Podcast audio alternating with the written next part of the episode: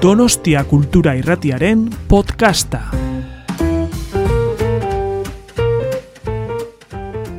Bueno, ba, kaixo guztioi arratsaldeon, mila esker arratsaldi guzkitzu honetan izateagatik. Dakizuenez, maiatzaren e, zazpitik usteilaren amazazpira arte, e, kontzientzia sortzaileak erakusketa hemen okendon daukagu, dekau beren eskutik, eta horren arira gaur maingurua ospatuko dugu. Gurekin argazki, bi argazkilari dauzkagu, Javi Julio eta Andoni Lubaki, bere argazkiak, por cierto, erakusketan dauzkazuela, eta haiekin solasaldian arituko da Cristina eh, Tapia, eh, kultur kasetaria. También nos acompaña Víctor Manuel Cruzado, que es el representante de DKV y que nos va a hablar un poco de qué es este proyecto de creadores de conciencia y un poco nos va a dar eh, información sobre la exposición, cómo nació y hacia dónde va. Muchas gracias a DKV por habernos traído a, a la ciudad eh, la exposición. Gracias a los participantes de, de, este debate. Muchísimas gracias por estar aquí y por hacernos pensar, que, que seguro que, se, que al final de la charla nos vais a hacer reflexionar sobre muchos temas. Y gracias a vosotros por estar aquí ahora. Muchas gracias, Izaskun. Buenas tardes a todos. Eh, buenas tardes a vosotros. El acto de hoy se enmarca dentro de los actos colaterales que se llevan a cabo como consecuencia de la exposición Creadores de Conciencia, 40 fotoperiodistas comprometidos, que rinde homenaje a 40 eh, fotoprofesionales de la fotografía que se juegan la vida en, en distintos momentos, eh, como desastres naturales, conflictos bélicos o regímenes autárquicos. Esta exposición eh, surge como consecuencia del 20 aniversario de las acciones de responsabilidad social corporativa de DKV y trata eh, intenta tratar eh, las temáticas que se han ido desarrollando durante estos 20 años, como pueden ser enfermedades, salud, discapacidad, eh, colectivos socialmente marginados o el cambio climático.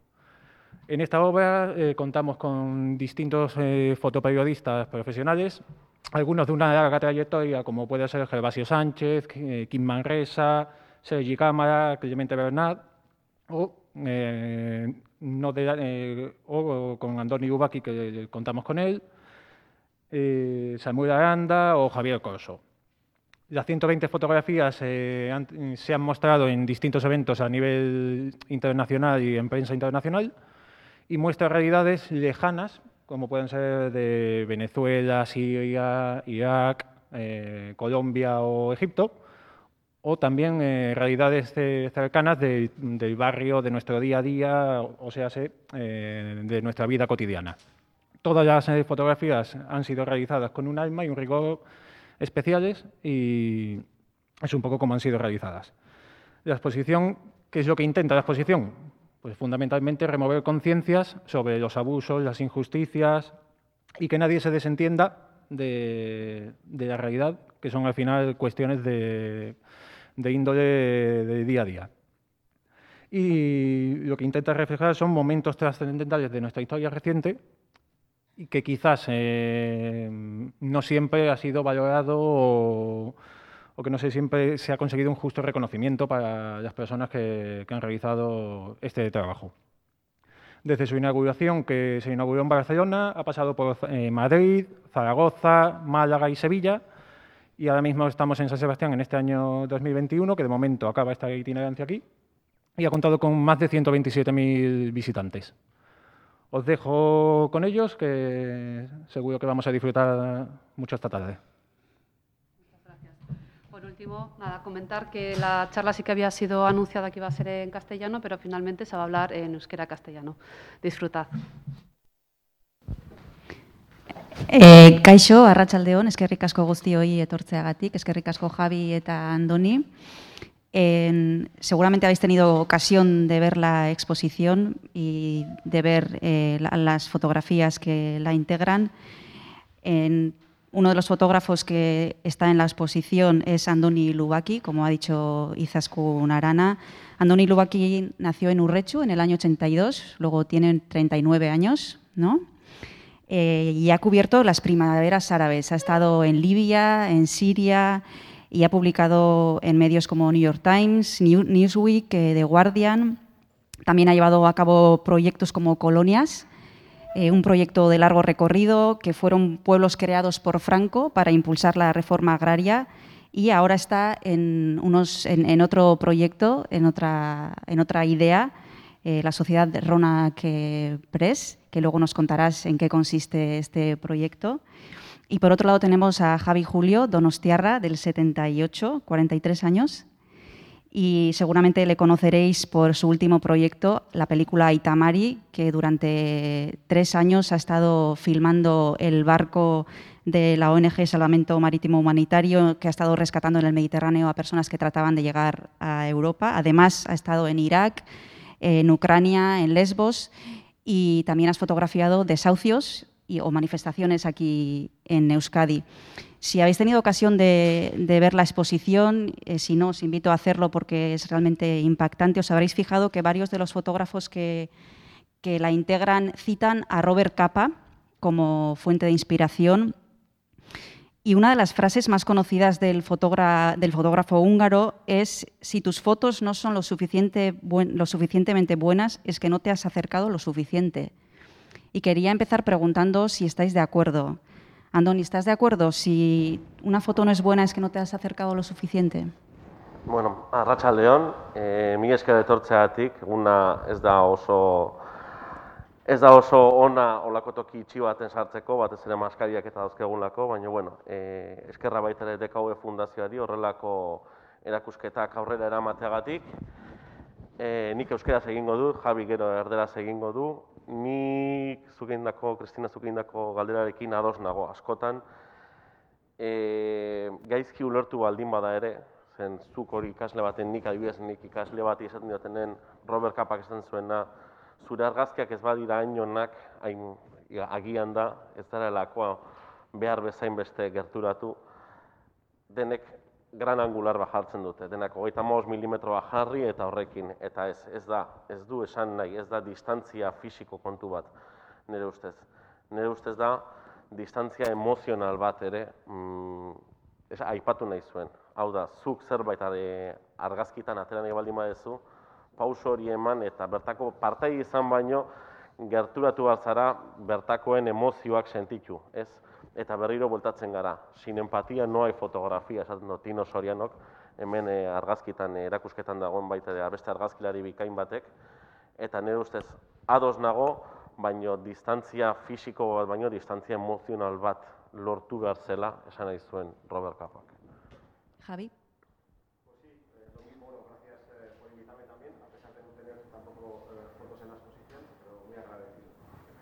estoy de acuerdo con Antonio trata de estar cerca de las personas cuando, pues cuando estás eh, documentando su, su realidad y, se trata de empatizar al final con ellas. De esa manera también estás diciendo qué es lo que quieres hacer, qué es lo que quieres enfocar. Sí, estoy, estoy de acuerdo. Vamos a entrar en harina ahora, pero me gustaría antes que nos comentarais brevemente cuáles han sido vuestros inicios con la cámara, si son profesiones vocacionales, si es algo que os habéis ido encontrando por el camino y cuándo empezasteis eh, a disparar. Andoni? Ba, baitu, hain memoria egiten nintzen eta beti berdinak etortzen zaizkit. Ni urretxukoan ba, naiz ere, zumarragan e, bizi zen nintzen lehenbiziko zin dut soin horrekin. E, Zumarragan e, e, jan, bueno, bizi izan nintzen, eta bertan bai mm, bueno, nire aitari e, kamera hartzen nion, karrete gabe uzten zuen gainea kamera zemazekien bestela kapazan nintzela zeuzken hogeita amasei argazkik paleta bati ateatzeko, eta horko zirrikit hortatik bueno, azten nintzen familiko argazkiak ni imaginatzen. Eta irudian ere bizitzan beti oso presente egonda nire familiak beti zuen Zumarragako etxean zuen mak Gipuzkoako mapa bat non herri guztiek zuten harren irudi edo marrazki txiki bat eta nire osa bakartzen ninduen eskotan nola bisitaria zetozen esaten zen, aber, non dago abaltzizketa? Eta nik irakurtzen ez banekien ere, bueno, banik banekien hor nola abaltzizketak ze irudi zuen, zumarrak irudi, eta ni ustez, eta gero argazki irudiak eta argazki hori jorratuta, ba, mm, telebista eta, eta txikitako oroitzapenek neuz asko markatu naute. Beinola gogoratzen dut, ondarribiko kofradiako e, arrantza, bueno, bai, nagusiari, e, Esteban Olaizolari baina lagutsi zendu dana, e, berak esaten zigun, ba, kontatzen zizkigun, ba, nola Euskaldunak terranobara joaten ziren, eta negarek mundu bat ireki zidan, eta, eta arrez gero, bueno, ba, argazkilaritzan murgildu ez, baino astapenetan hasi nintzen. Javi, en tu caso... En mi caso no, yo no, sí me gustaba la fotografía, pero como tantas cosas, quiero decir, al final yo, yo vengo del mundo social, yo estudié educación social, estuve trabajando durante muchos años, en mi caso en, en, en, Aspace y en pisos de acogida y tal, a mí lo que me gusta es la gente y me gusta estar con gente y me gusta ver qué hace la gente. Y al principio cuando empezaba a trabajar en estos lugares también preguntaba ¿no? de dónde venía esta gente, qué, qué, hacía en los momentos en los que no estaba en, las instituciones metida, digamos, en, en pisos institucionalizados o, o, en centros de acogida y, y luego poco a poco pues me aficioné a la foto y al final decidí cambiar eh, mi, mi, vida profesional y, y, pasar de la educación social a, a, ser testigo de lo que sucedía. En vez de intervenir, ¿no? pues con, yo qué sé, con 20 años cuando estudias pedagogía y tal, piensas que puedes cambiar el mundo con, a través de tu trabajo eh, y luego te das cuenta que igual no es de la manera que tú, que tú tenías o que no puedes cambiarlo de esa manera y al final eh, decidí ser testigo de lo que de lo que sucede y estar un poquito más cerca también para, para entenderlo, nada más. en el que uno decide pues pasar de fotografiar cosas que tiene cerca del mapa que teníais eh, en casa Andoni y tú en tu caso dejar eh, tu trabajo en pisos de acogida o en Aspace por ejemplo y en irse lejos eh, decías Javi que a ti lo que te gusta es estar con la gente pero para fotografiar ambos os habéis ido muy lejos y no sé cómo, han sido esos primeros viajes, esas, eh, primeras veces en las que os habéis encontrado con realidades eh, duras y, y, no sé si teníais una idea romántica también al principio, antes de empezar, de cómo era la profesión y si ha habido alguna decepción en esos comienzos. Andoni. A ver, decepzioak beti da, ere. Baino, Eta gainen esango nuke nik ez dudala bakarrik, argazkiak etatzen urrutira joan da. Hemen ere atatzen ditut. Eta gustatzen zaizki gaina histori txikiak, badakitenak igual momentuan ez daukatenak inungo garrantziarik izango, baino epe luzera, ba, atzera begirako ariketa sendo bat izan litekena. Adibidez, igande honetan, ez naiz bat erlijiosoa, era bat ateoa naiz, baino igande honetan, justu, e, urretxuko pasionistek azkeneko emango dute, eta Eliza pasatuko da kulturgune bihurtzera. Eta, bueno, ez da beti esan ni ateoa naiz, baino netzako puntu eta aparte bat da herrian. Eta horrelakoak ateratzea ere gustatzen zaizkit. Hemendikan hogei, hogeita marrutetara meza horren argazkiak izatea, zeren beste guztiek hola gainean nahi dut analogikoan ateratzen ditu holako gauzak. Osea, karretea jartzen diet, karrete zaba jartzen diet, eta argazkiak ateratzen ditut. Zeren badakit mobilakin ateratzen ditugun argazki asko, mobil aldatuta, sinkronizatu, que si la nube no me va, espera momento, denak desagertu egiten dira. Zeo, zer gordene baldin badut, analogikoan egiten dut. Eta kanpora joaten ezen ere, askotan e, karrete eramaten dut. Eta Jabik esan duenen arira, mm, nik ere, nahi ere jendearekin egotea gustatzen zait. Hau da, nik bidaiatu, nire lagumatek esan zian, tu no viajas por paisaje, sino por paisanaje. Talaxe da, nik jendearekin, nik ez diet, toki batea jun eta ez nijo monumentoak edo museoak ikusten nahiago dut, edo zein barriotan, ez dakit. Gehiago gustatzen zaita adibidez, Irakeko Kurdistanen karretera ondoko restaurante baten, jatetxe baten geldik eta bertakoekin hitz egin eta ba, Irakeko Kurdistango museo batea jutea baino, hori nahiago dut. Javi, no sé cómo, cómo recuerdas ese paso de pasar de, trabajar eh, pues con un trabajo más o menos normal a, embarcarte, eh, pues no sé, en tu, primer viaje que no sé cuál fue? También estoy un poco de acuerdo con, con Andoni en este caso porque eh, evidentemente es más exótico contar una historia en medio de, de Irak o de, donde sea. Y, y, bueno, pero también hay buenas historias aquí, lo que pasa es que es difícil verlas, porque al final vives aquí, estás acostumbrado a estar aquí y claro, de esta manera, digamos que lo cotidiano, lo normal, o sea, sacar algo de ahí es, cuesta un poco más, no sé, pero bueno, tampoco hace falta viajar muy lejos para ver cosas, como decías antes, ¿no? que, son, que te pueden llamar la atención Sí, por, sí. por lo injusto de la situación. ¿no? Sí.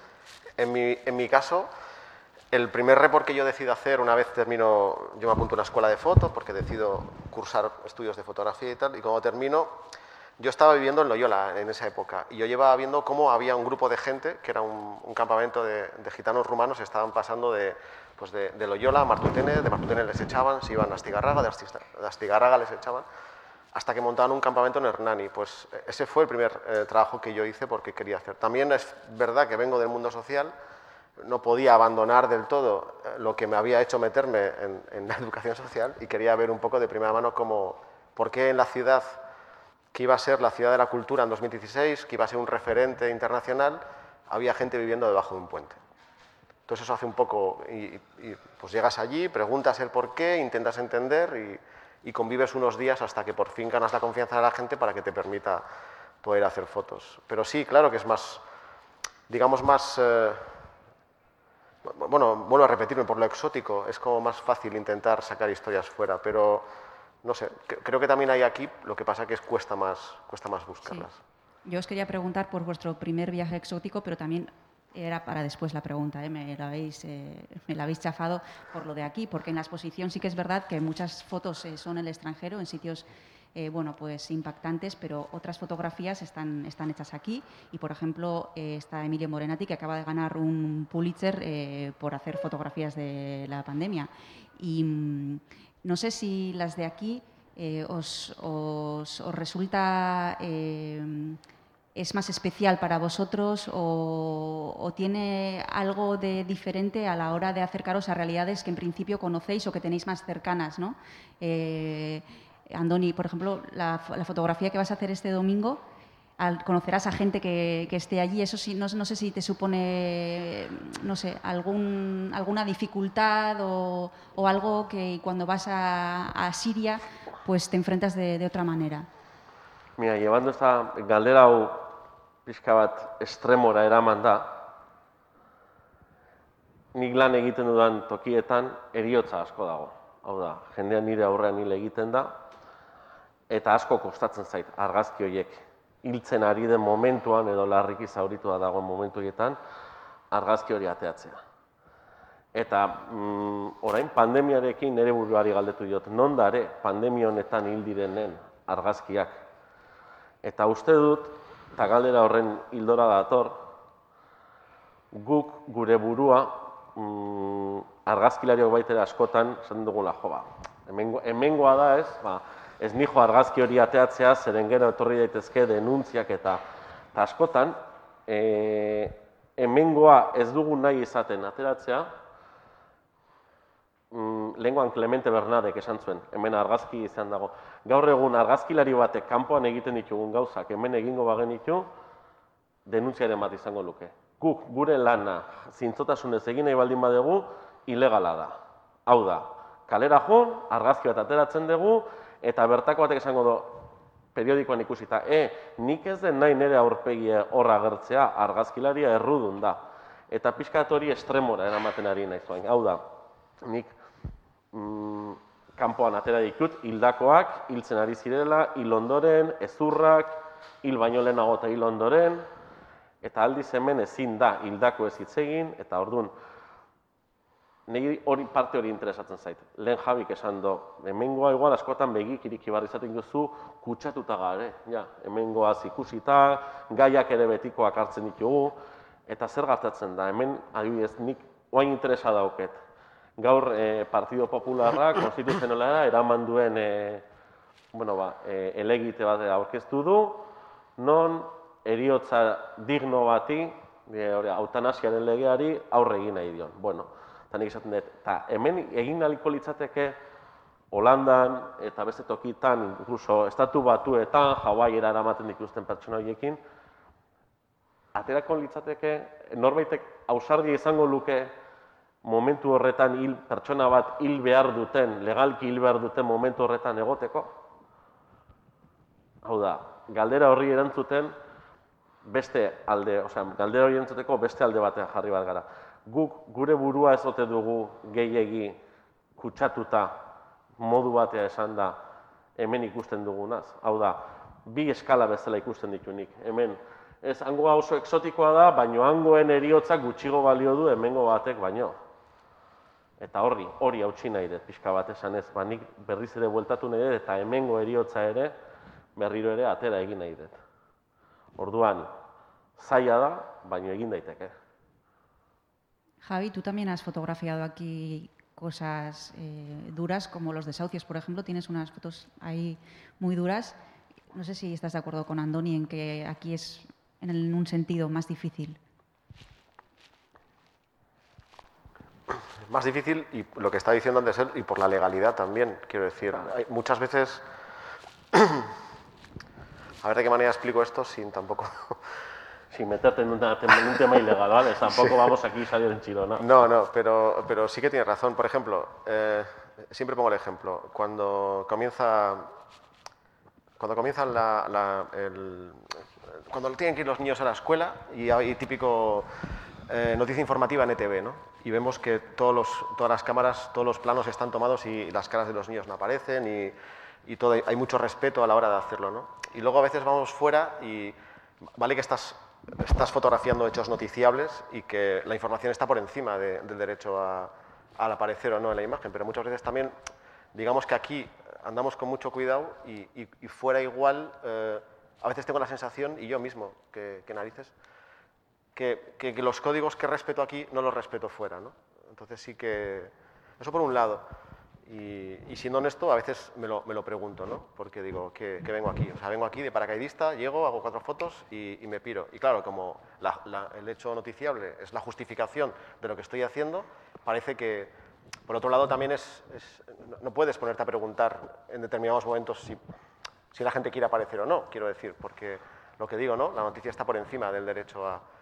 Pero, eh, pero sí. Y, y luego, o no sé si lo, sobre lo de, lo de fotografiar la muerte también, pues eh, al final eh, es algo a lo que te vas a enfrentar. El tema es cómo lo haces. Yo cuando me ha ocurrido, lo primero que hago es preguntarme, perdón, si, mi, si fuera familiar mío la persona que está muriendo, ¿me gustaría verla en un periódico? No. Entonces lo intento hacer con el mayor respeto. En principio no, en mi caso. Intento hacerlo con el mayor respeto posible e intento que ni se vea la cara, ni o no me recreo en la toma, o lo que hago son detalles de, de cosas que puedo ver. Por eso mismo, vamos. Pero sí. Burura argazki bat datorki.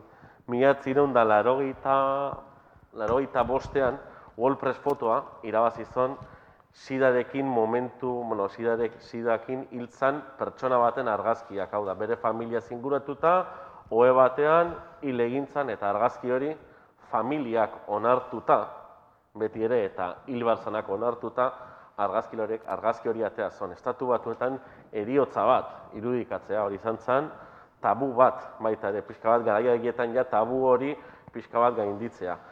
Bueno, ba, argazki horrek lortu zon estatu batuetako gizartea eraldatzea, ikustea, ez ez hiltzen ari zala jendea, jende gaztea, esaten zen, la peste los gays, eta esatea ez, mm, hiltzan hori, etzan homosexuala, etzan drogadiktoa, kutsatu egin zan odol transfusio baten, eta lortu zon, e, nola da, e, sidako ai, fundazio, estatu batetan oso fundazio indartsua da, esan zon, e, aktore hau bai hiltzan ba, Howard Hawks ez, nola zan, e, bueno, oso aktore famatu bat hiltzan Hollywoodeko esan zon, aktore horren eriotzak lortu zona baino, sona gehiago lortu zon, argazki hori egiteak, eta esan zezon argazkilariak. Oso oso zaila egin zitzaidan, nere, osea, nere kontzientziarekiko e bai, oso. Baino gauzak eraldatzea lortu zien. Hau da, eriotza bat irudikatzea doaikoa baldin bada, ez, area jun eta zenbat aldiz, la pornografia de la violencia, ez, ume bat zean ikusi eta horrek zeo zer argita, edo pornografia horregatikan bakarrik atera duzu. Aldiz, argazki hori bere kontekstuan zerbait eraldatzeko ateratzen baldin badezu, ba bai, horregatik esan dizut. Nik uste dut, pertsona askoi borrokan egon diran pertsona askoi galdetuta, zu nahiko zenuke zu hil behar zarenean norbait aurren egotea kontzientziatzeko, ez pornografia edo, edo paparatzismo hori bultzatzeko ez. zeo zer erabiltzea jendeak ikusi dezan azkeneko momentua dignoa ere izan litekeela. Nire ustez hor, gure artean ere uste, argazkilarion artean ere debatea handiua daukagu. Bai. Eta beti sortzen dira debate hauek horrelako Bai. hitzaldietan, eh? Bai, estáis planteando un debate muy interesante. Eh, has mencionado, Andoni, eh, pornografía de la violencia y hay gente que piensa que sois eh, esteticistas de la miseria humana. Bueno, hay, hay- hay palabras muy gruesas que se dicen en torno a vuestro trabajo. Ahí, ¿cuál es eh, el límite? ¿Cuál es eh, eh, la muga? Y no sé si cada uno tiene la suya o cuando vais a sitios así os encontráis con situaciones que, que os hacen dudar, ¿qué decisiones se toman? Además, tiene que ser en cuestión de segundos. ¿Cómo, cómo lo afrontáis? ¿Lo tenéis pensado de antemano o es sobre la marcha? Es que para mí no es agradable tampoco hacer muchas fotos de las que hago. Es que cuando tú enseñas fotos que, han sido momentos duros o momentos muy dramáticos o donde la gente ha perdido la vida, no, son momentos que yo esté disfrutando, ni mucho menos. O sea, eso yo lo quiero dejar muy claro también. Pero han sucedido. Y yo estaba allí. Y yo estaba allí con la cámara haciendo lo que sé hacer, que es contar cosas. Entonces, ¿por qué voy a negar esa, esa realidad? No lo sé. Ezezkoa beti da pertsonak esaten duena. Pertsonak argazkinan agertu behar pertsona horrek esaten bait ez. Pena handi emango dit, oso enkuadre hona, esaten baldin badit ez, hortxe bukatzen da. Eta ez baldin badit ez ezkorik esaten, nik argazki aterako dut. Gertatu izan zait, argazki bat atera oso violento, oso krudela zen argazki bat, eta bi hiru egon egon nintzen agentzira bialtzeko, Alepor izan zen gainea, agentzira bidali edo ez. Eta gaina hasi berritan nintzen, ofizio honetan, eta esan, bueno, familiarekin kontaktatu non, eta familiak esan zian, ez, ez, hor baldin bazeden, oso erligiosak ziren, alak horrela nahiko zolako zan, izango zen, hasi que, bueno, ba, atera itzazu. Eta, eta goratzen dut, gainera Santi Leonek Asociated Presseko jefazok, jefa jefazok ditu zian, bertako satelitea eta esan zian, ostras, e, oso argazki hona da, krudela, gure artean ere debatiku, debate bat egon da, baino argitaratu, egingo dugu. Zer ora- orain arte ez da egon horrelako argazkirik.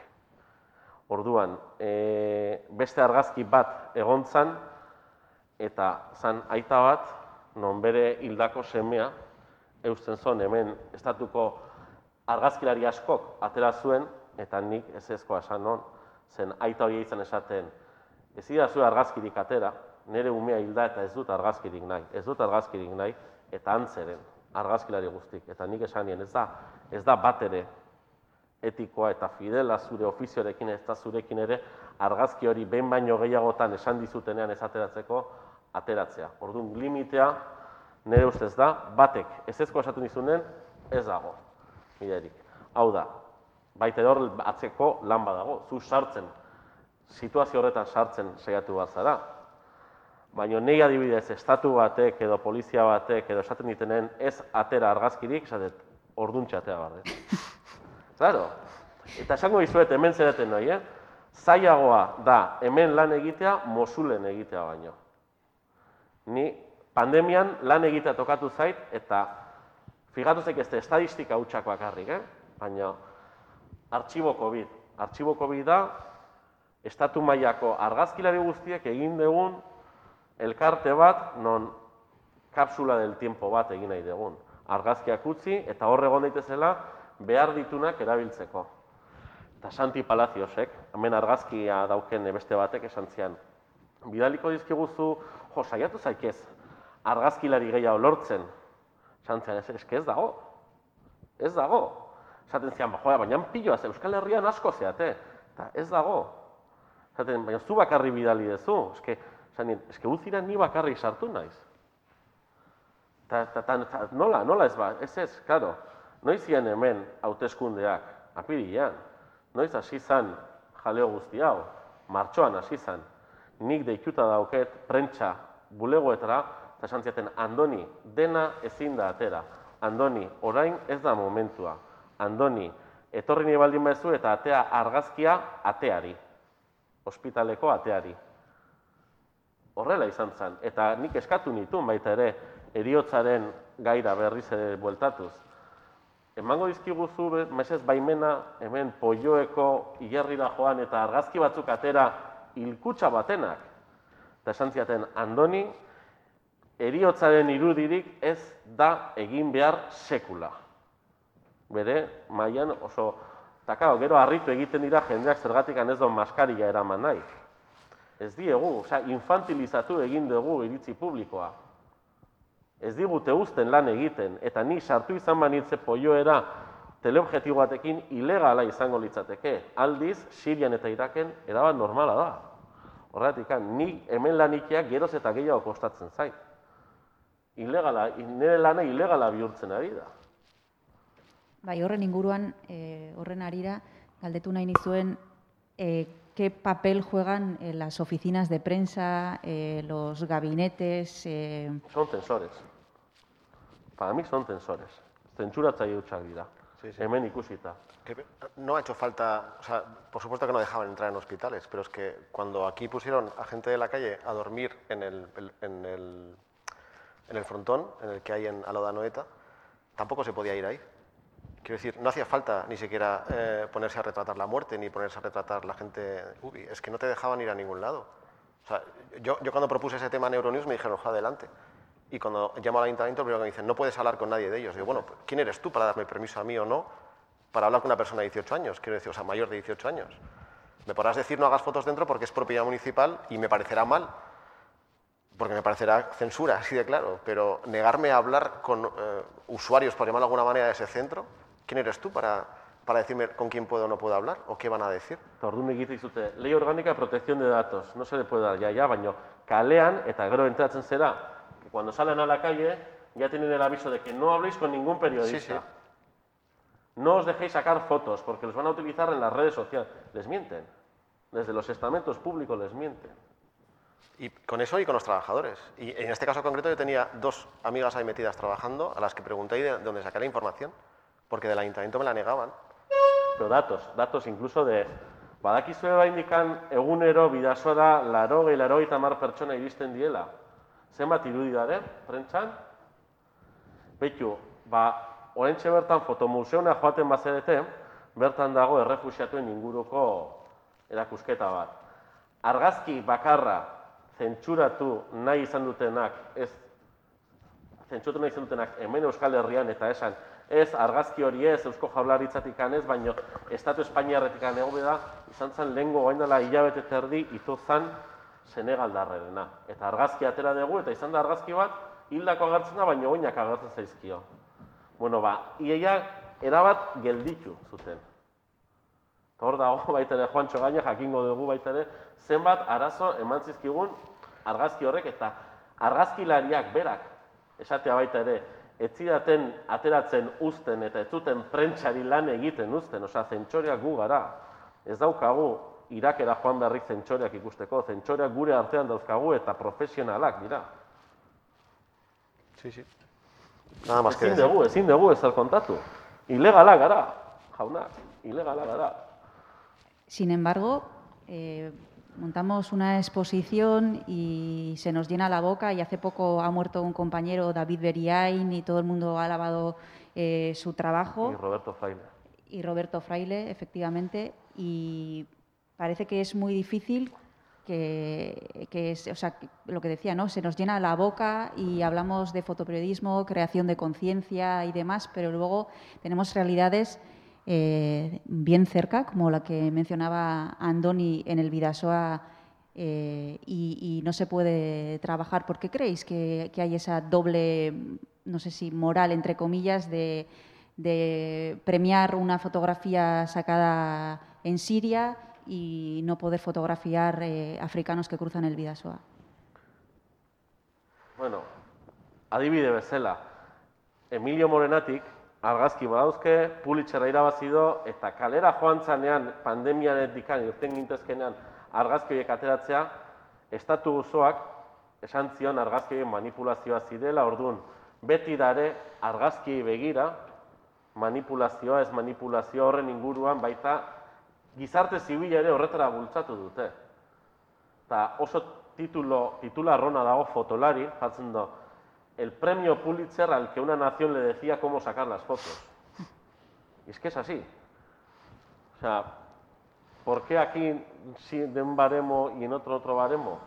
Pues muy fácil, porque aquí no se quieren mostrar las vergüenzas que tiene una administración, que son muchas, varias y grandes. No se quiere, se prefiere, fijaos en un momento la edad media que hay en esta sala, se prefiere que los jóvenes estén en Instagram atontados y agilipollados con Facebook, Instagram y, mirando, y mirando pantallas y tenerles enganchados a las pantallas. Y al final es la primera vez que veo a una niña y a gente más joven que en otras charlas que he dado yo. Aquí hay una pareja joven y lo demás, los demás somos por encima de 40, 50 años, ¿no?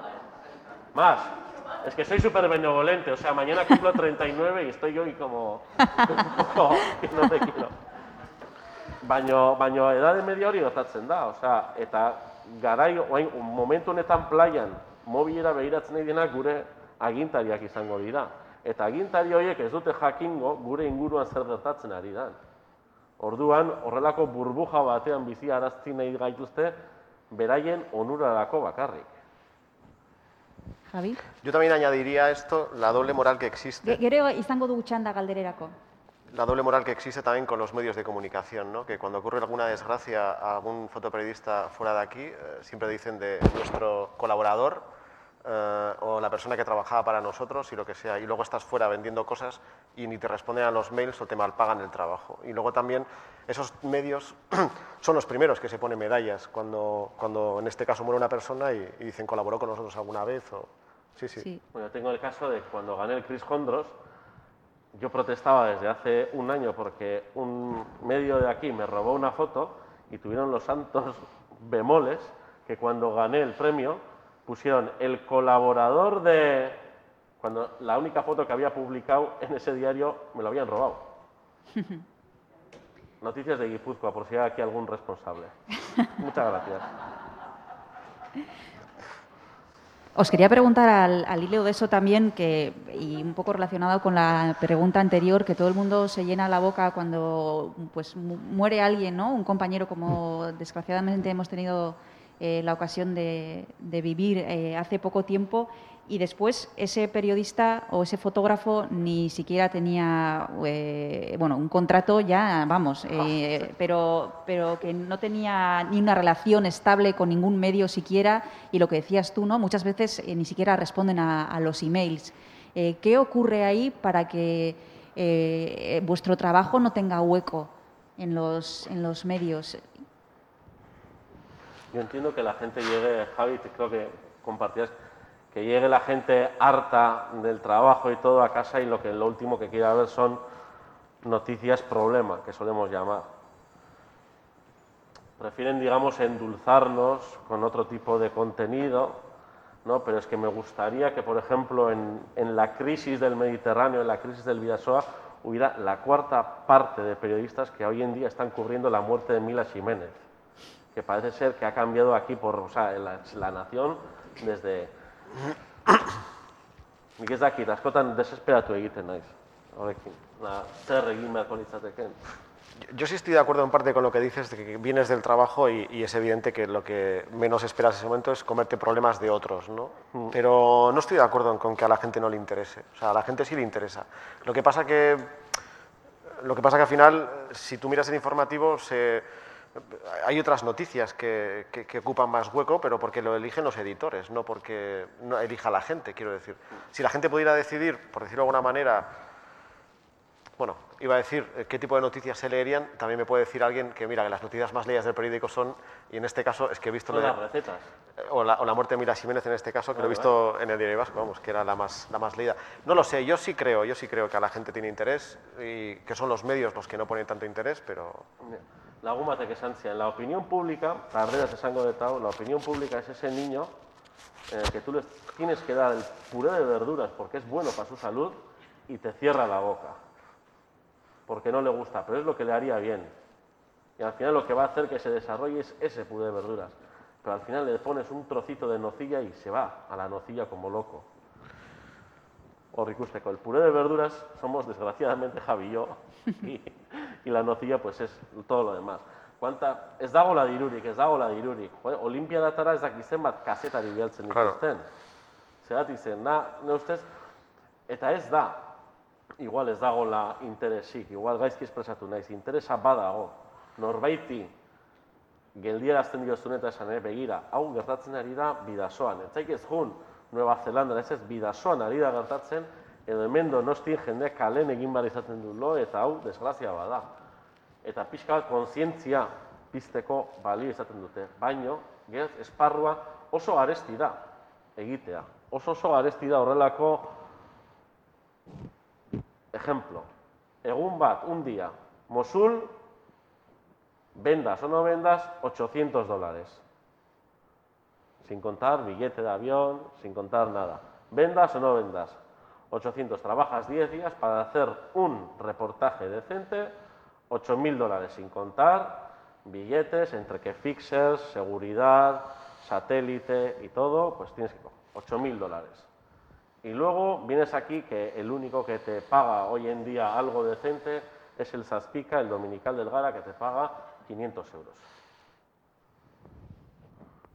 ¿Cómo algún matemático que cuadre estos números aquí en la sala? No, vale.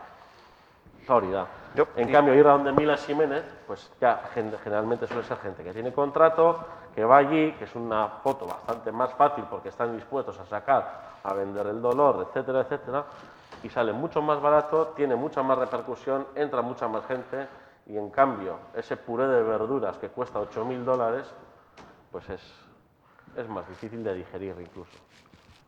Y luego, nada, quería añadir simplemente que también cuando los grandes medios se acercan a este tipo de noticias, se acercan porque ha habido un suceso muy gordo de cualquier tipo, generalmente Oh, son muertos.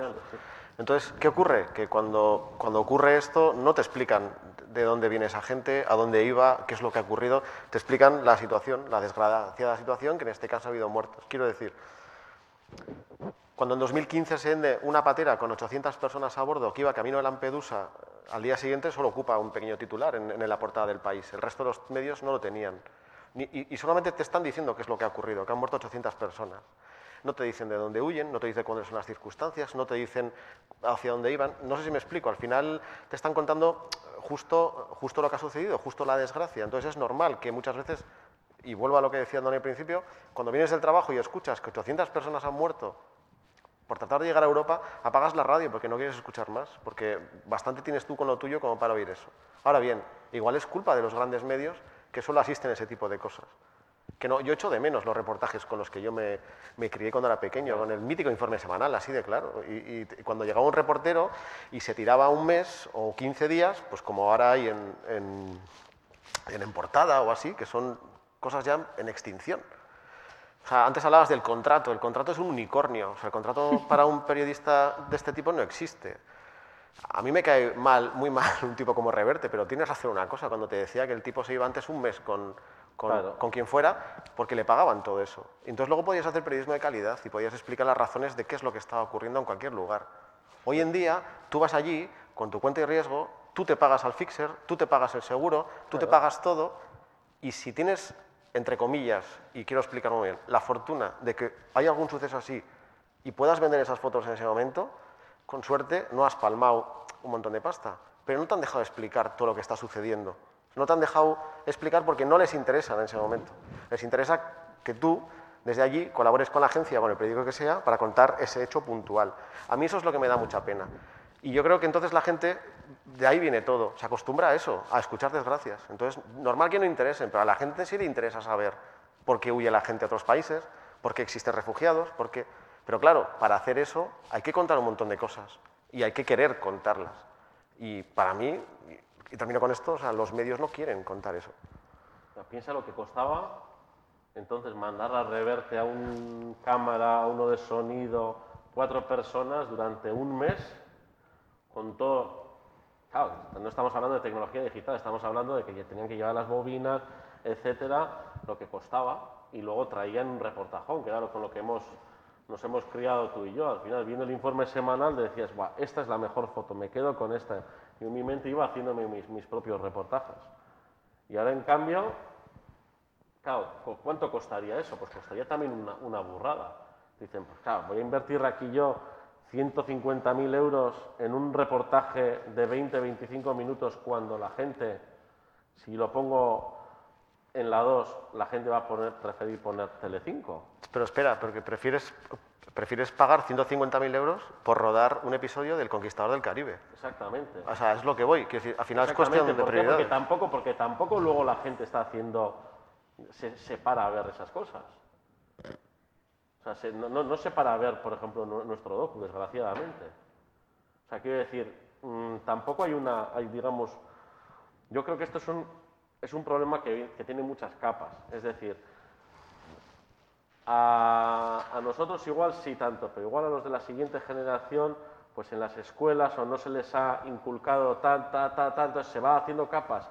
Luego viene una tecnología con la que la educación no puede competir, que son los móviles, la televisión, todo el ahora, ya y gratis, etcétera, y de repente tengo a uno que, con el que me río haciendo el mono y unos que se están muriendo de hambre en Ruanda, ta, ta, y al final, poco a poco ten- cogemos esa tendencia hacia ir a un lado. Entonces, es imposible competir con... con- Yo creo que sí, hay un interés en, en embobarlo encima, o sea, no, nos quieren sin ningún tipo de- de conciencia, nos quieren sin ningún tipo de, pensamiento propio. O sea, es que es muy caro para un gobierno actual que haya gente con un pensamiento propio y con una conciencia propia. Es mucho más fácil que todos miremos al partido de España contra Troglochistan y punto. Es mucho más, por mucho dinero que inviertas, es mucho más fácil luego, es mucho, digamos, más rentable. Pero luego, luego suceden cosas y la gente se hace preguntas. Cuando, cuando Claro, en ah, 2000... sí, sí, sí, claro, Ahí voy. Cuando en 2015 vemos aparecer el cadáver de Ailán en, en las costas, la gente pregunta, dice, hostia, ¿y, estos quiénes son? Ya. ¿Y por qué huyen? Un ¿Qué es, que no es negro. qué- qué- qué es lo que ocurre? Que los medios eh, lo que hacen es decir, bueno, pues vamos a coger fotos de gente ahogándose o fotos de gente, fotos dramáticas de gente huyendo. Pero no, no paran a explicar. Y fíjate que hay gente trabajando en terreno y bien buena. Antes de que fuéramos paracaidistas allí, pero no, no- no- te explican esto, no te explican cuáles son las circunstancias. No, al final lo que hacen, el hecho noticiable es la imagen dramática que vende y, y punto. Por eso muchas veces este tipo de cosas provocan rechazo, porque nos acostumbramos a eso, a que nos, nos, nos impacte con imágenes, pero nadie nos explica el contexto que, que hay detrás, que para mí yo creo que es lo, lo importante. Eta baita ere nik uste dut gu bihurtu dela oso gizarte konformista bat. Eta gizarte bat burbuja baten biziena eta burbuja baten bizitzen jarraitu nahi dona. Adibidez, lehengo urtean, e, Carlos Trutuza eta ni joan ginen 2019an ja, Siriara dokumental bat eta erakusketa bat egiteko itinerantea Euskal Fondoaren e, laguntzarekin. Ba, gazteizen inauguratu behar genunen, Esan genuen, bueno, a ber, familia asko joango dira, eskolatako umeak ere joango dira, eta orduan, ba ezin dugu guk nahiko genuken dena, adiazi, dadin txikikoa joango direlako. Bale, ados. Eta orduan erabaki genuen, Sirian eriotza existitzen zela erakusteko, e, funeral bat, kurduen funeral bat irudikatzea, argazkiten ateatzea. Eta zan, zulo baten hilkutxa bat sartzen. Bueno, ba, Gazteizeko guraso elkarte bat juntzan protestan hildako batzuk agertzen zirelako edo hildakoak agertzeko eta beraien semeak ba ez zutelako ba beraien seme alabak ez zutelako horrelakorik eh, ikusi behar. Eta eske gustatuko litzake momentu hartan esatea, zure semek interneten eta PlayStationean hori baino violentzia handigoa ikusten dute. Eta nik hitz egin dut nire edadekoek, nik hogeita emeretzi urtengo ikut bihar, baino nik nire edadekoekin hitz egiteakon eta ba, amar, amaika urteko umeak dituztenan eta esan, jo, es que, Andoni, no, no les hables de tu trabajo, no les digas que, no les digas, jo, que es que al final luego empiezan a preguntar mucho en casa. Y tal, y tal, eta ume bat galdetzen, baino zuk hildako, hildakoak egoten dira, kanpoan. Eta dut, bai, bai, eta hildakoak, eta nien, eta gure, eta itatxo, eta matxo, eta zure dadekoak hiltzen ditu zerutikan dijozen hegazkinek, eta eh, bomba horiek egiten dituzte Europan, eta oraindikan markinan egiten, jo, no le digas eso. Eta bitartean, mobil batekin izan, matándose unos a otros. Gaina matándose eta puntu gehiago ematen zizkion gero, fijatu nintzen, lurrera begiratu eta tak, buruak entzen baldin bazion eta horrela, mila puntu gehiago ziren. Eino gero hori bai, gero kulpableak gu gara hilda, hilkutxa bat. Eta hori oso ondo dakite, eta gobernukoek, zen nahi etziaten utzi e, pandemian hildakoak ateratzen eta oraindik ere ez diate uzten, baina aldiz onartzen dugu telebistan ematen diguten eta bideojokoetan gure umei eta nerabei ematen diogun ultraviolentzia hori. Hau da, enpresak nahi dutena egiten dute.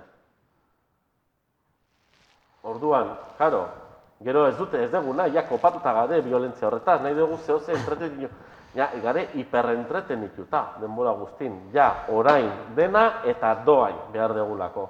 Eta pixka ja buruari eragiteko, ja, alpertuta gare. Hori, que hagan, que hagan Javi, Andoni. ¿Verdad? ¿Eh?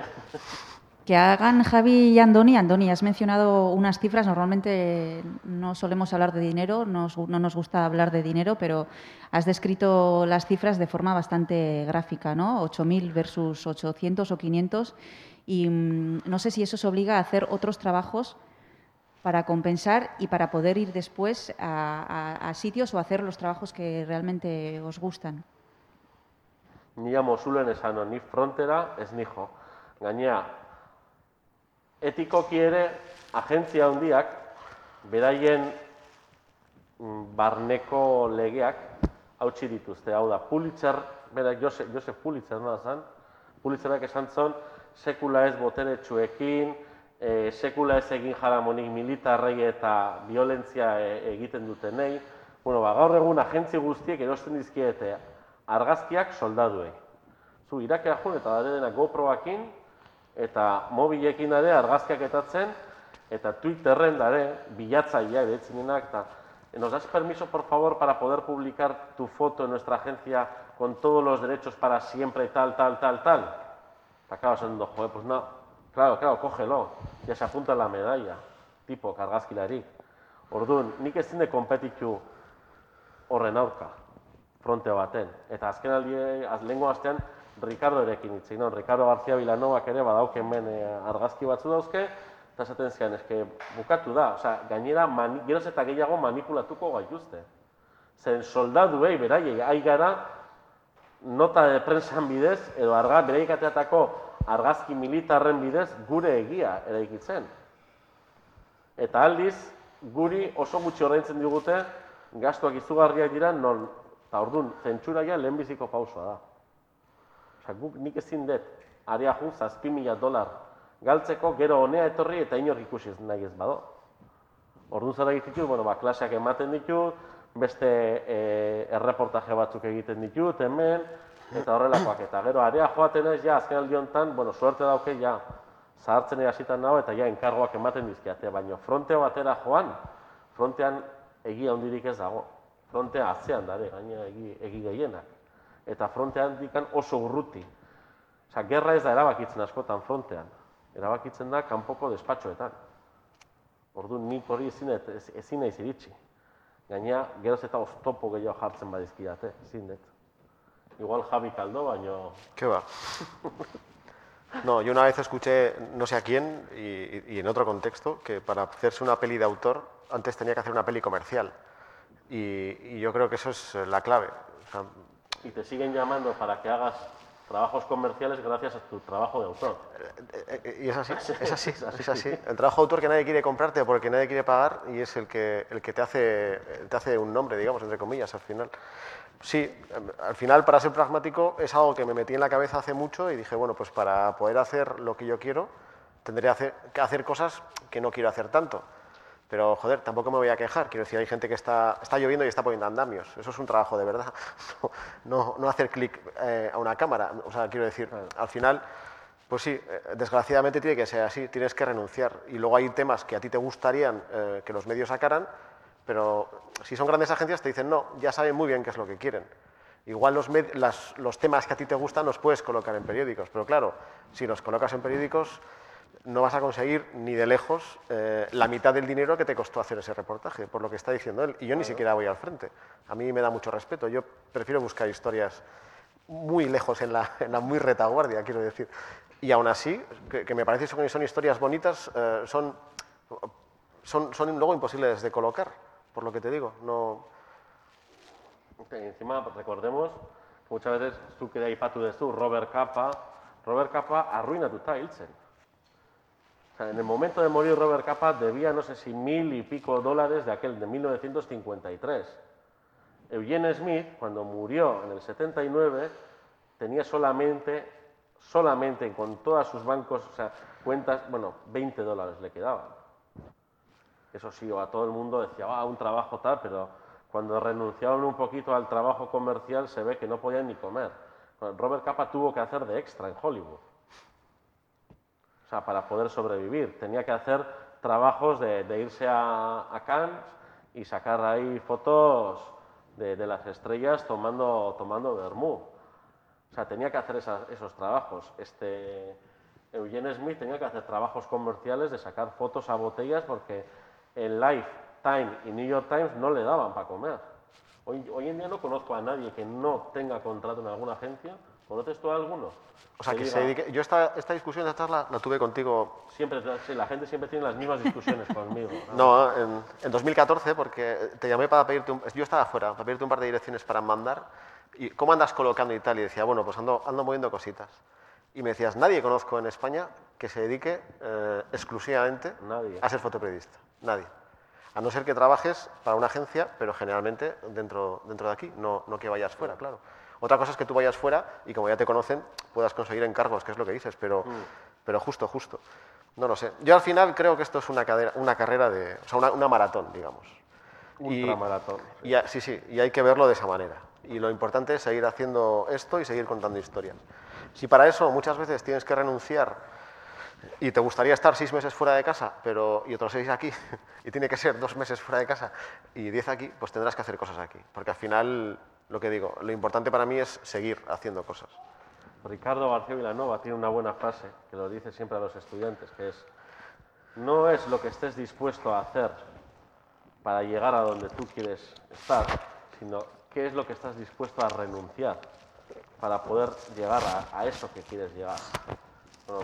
De la esto económica, de la tranquilidad económica, nos, nos olvidamos. Nos regalan un coche de 5.000 euros y lo vendemos para comprar uno de 1.000 y tener 4.000 por si acaso en el bolsillo. Sí, sí, o sea, Pues sí, sí. ¿Y hay alguna empresa, algún medio que siga resistiendo y que sea ejemplo? ¿O ya no? nos metemos en camisa de 11 balas en casa. Pues mm, ¿O en el extranjero? Hay medios que, que no lo hacen tan mal. Yo Que no lo podría... hacen tan mal, oída. Yo, yo para... Sí, sí, porque entiendo lo que... entiendo que es un marrón eh, poner pero- nombres y apellidos, Pero, pero... Decidme, decidme de fuera, por lo menos. no, es que tampoco. Tampoco. Hombre, sí que es verdad que cuando trabajas fuera eh, eh, te tratan mejor y... Sí, A, a mí eso de que te contesten al mail ya es algo que me hace muchísima ilusión. ya. Y eso eh, puede hacer una chorrada, pero es que aquí no ocurre. O que te llamen por teléfono o que te pidan disculpas por haber tardado en contestarte al, al email. Eso sí ocurre con medios extranjeros, con medios ingleses fundamentalmente o así. Pero, pero es una cosa que está, que está decayendo, quiero decir. Eh, eh, volvemos a lo de antes, no. Vivir exclusivamente de, de trabajar para medios es, para mí es imposible. Nik ez daki best mediorik dago nola agentziek, agentziak ere ez. Denak berak eta berak aidelako, eta ez naiz ekonomikokiari, eh? Baizik eta dago manipulazioa eta beraiek egin dituzten legeak ere erabaz apustu dituztelako. Javi eta ni, besterik ez. Ya está. Andoni, has mencionado varias veces las redes y los móviles. ¿Qué efecto han tenido en vuestro trabajo? ¿Ahora todo el mundo es fotógrafo? Es.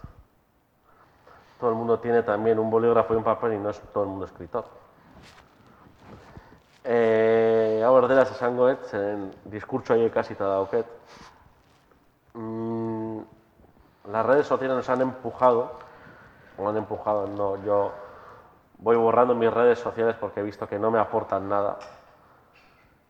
Eh, han obligado a muchos a trabajar por ego, es decir, por likes, visionados, regalaban trabajos. Yo he visto a gente, y no uno ni dos, sino varios, que iban, ¿no? Han sido, digamos, como una especie de amplificador de todos los egos, ¿no? O sea, las redes sociales la gente entra a ver qué es lo que dicen ellos, pero también quiere participar y quiere que se le note cuando hay un barullo. Es ruido sobre ruido, ruido sobre ruido. Entonces, que yo ponga una foto mía en blanco y negro de una desgracia que pasó delante de mí, hace que el algoritmo sepa qué es y no se lo va a mostrar. Yo he hecho eso, esa, ese ejercicio.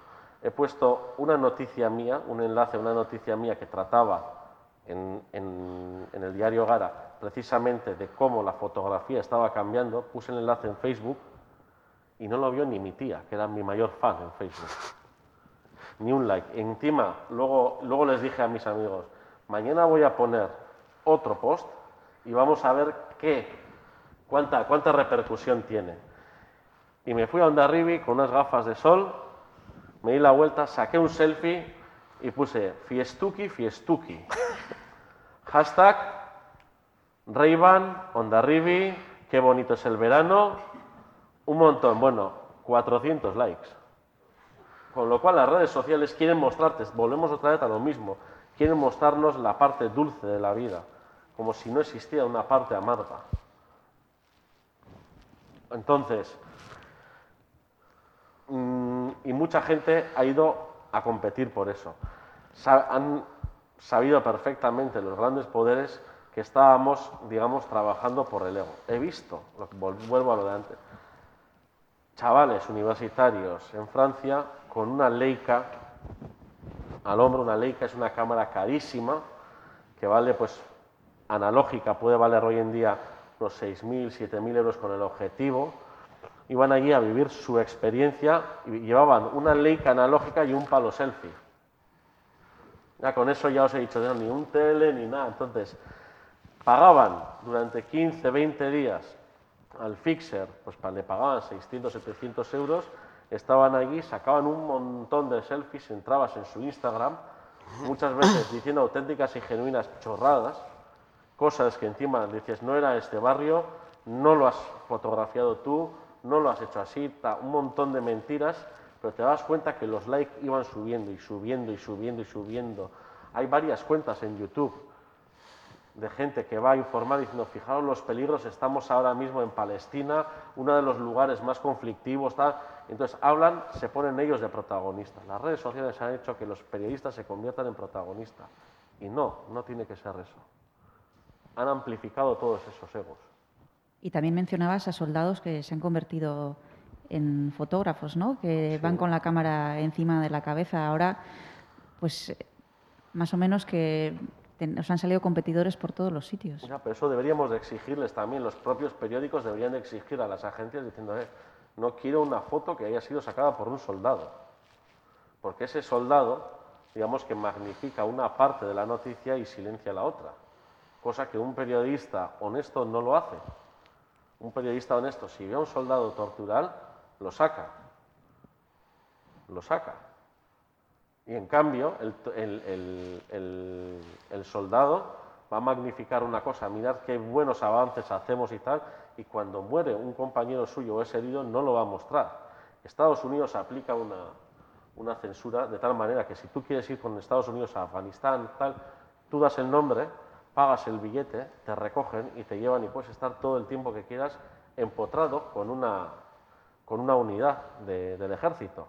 Y no pagas absolutamente nada, pero te dicen, pero no puedes publicar fotos de soldados muertos o en signo de debilidad, es decir, llorando, etc. Con lo cual, ¿por qué? Porque saben perfectamente que esas imágenes en Estados Unidos aplican en la, en la opinión pública una, un mensaje que no es el que quiere dar Estados Unidos como, como poder.